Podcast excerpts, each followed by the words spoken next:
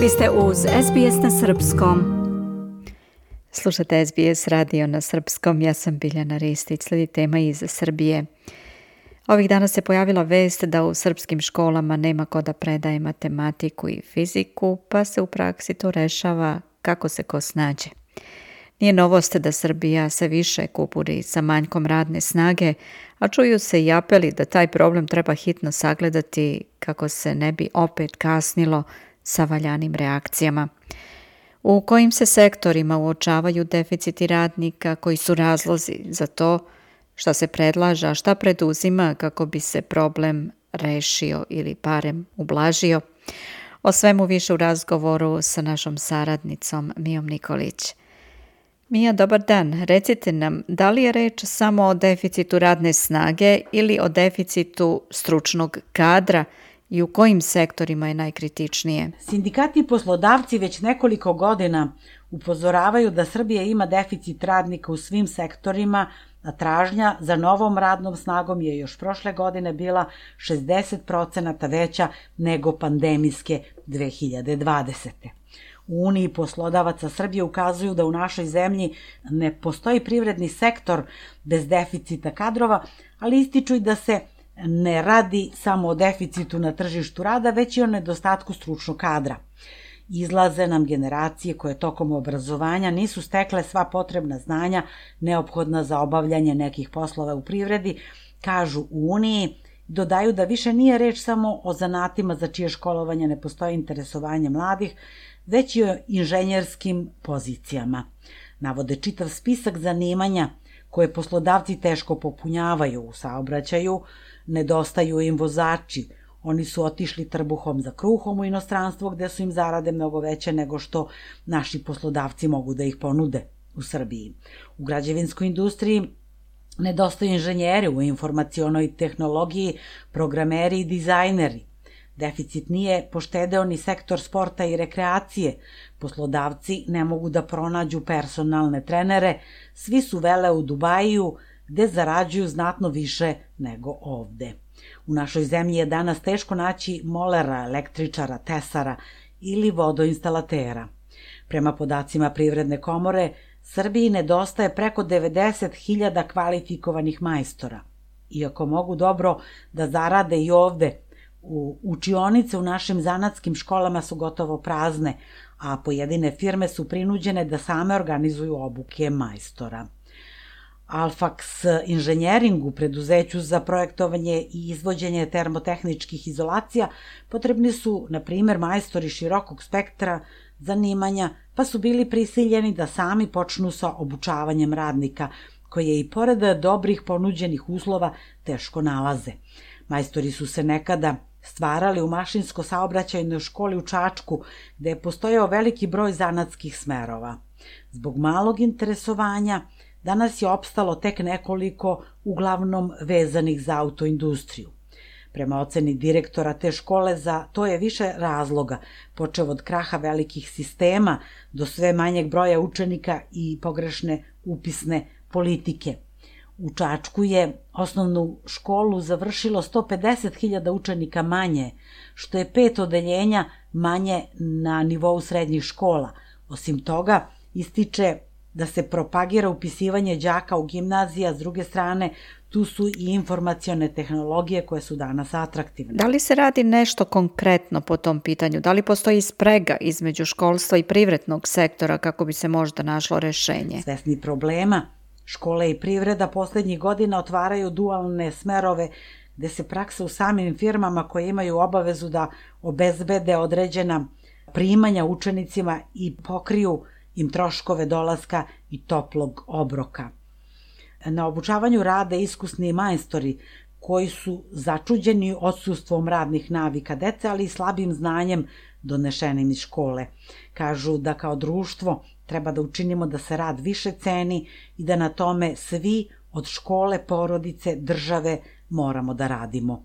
Privrednici imaju potrebu za kadrom, hoće da finansiraju, imaju želju da pomognu đacima i hoće da zadrže one koji se dobro pokažu.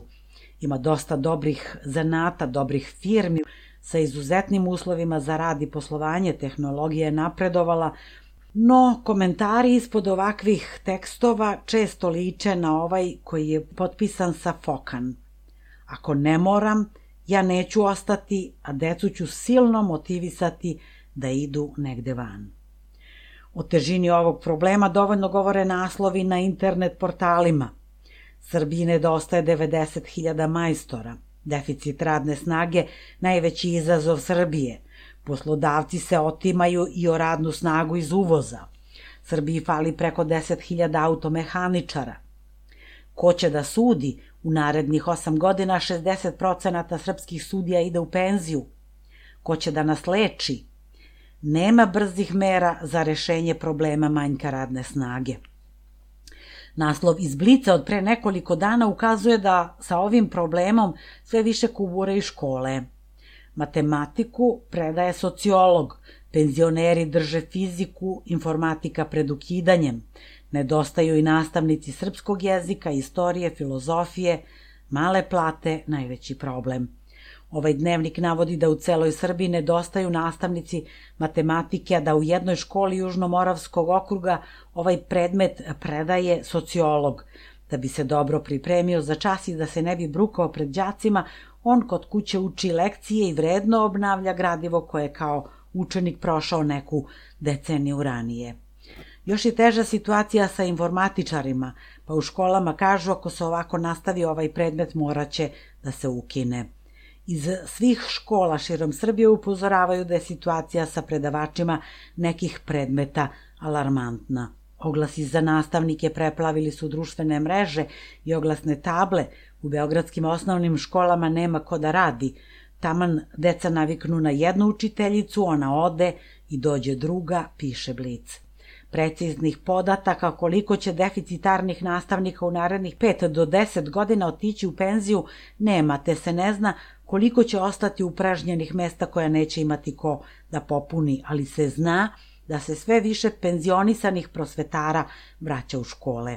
U Severnobačkom okrugu kažu da kod njih prosvetni sistem na plećima drže penzioneri i nesvršeni studenti.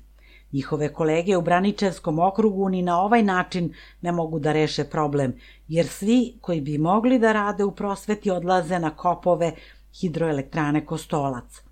Stručne predmete nema ko da predaje. U tehničkoj školi Kostolac nedostaju inženjeri mašinstva, elektrotehnike, tehnolozi. U Požarevcu fali saobraćajnih inženjera, kažu u Sindikatu obrazovanja Srbije za ovaj okrug. Ističu da problem imaju i sa pomoćnim nastavnicima koji su završili višu školu, a koji drže praksu đacima. I oni odlaze na kopove.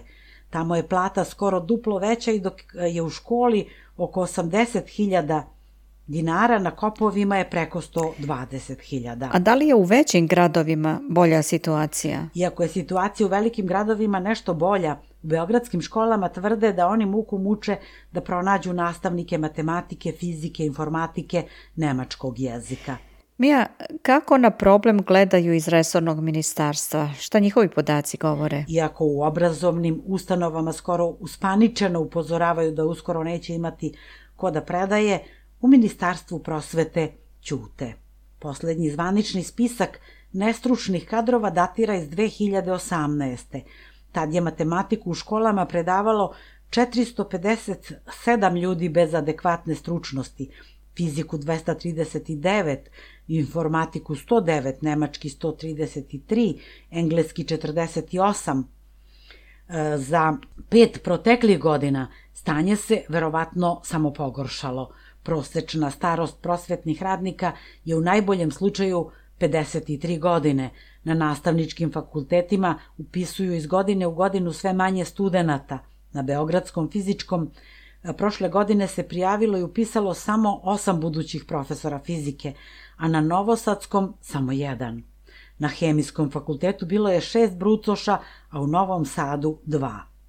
Smanjeno je interesovanje i na nastavničkim smerovima za srpski jezik i književnost, a na katedri za istoriju filozofskog fakulteta ove godine popunjeno je samo polovina mesta. Uz sve to, iseljavanje mladih ljudi, svih struka, pa i nastavničkih, se intenzivno nastavlja. Na kraju, Mija, da li se političari uopšte bave ovim problemom? Da li je i kod njih komentarisao činjenicu da nema dovoljno radne snage i kako se to može rešiti. Predsjednik Nove stranke da se struka pita Vladimir Kovačević je u pisanoj izjavi pre nekoliko meseci naglasio da se pre pet godina u Srbiji pojavio deficit radne snage i da je neophodan uvoz radne snage. Ukazao je da su najvredniji Azijati, ali je saglasan i sa uvozom radnika iz Bangladeša i Gvatemale.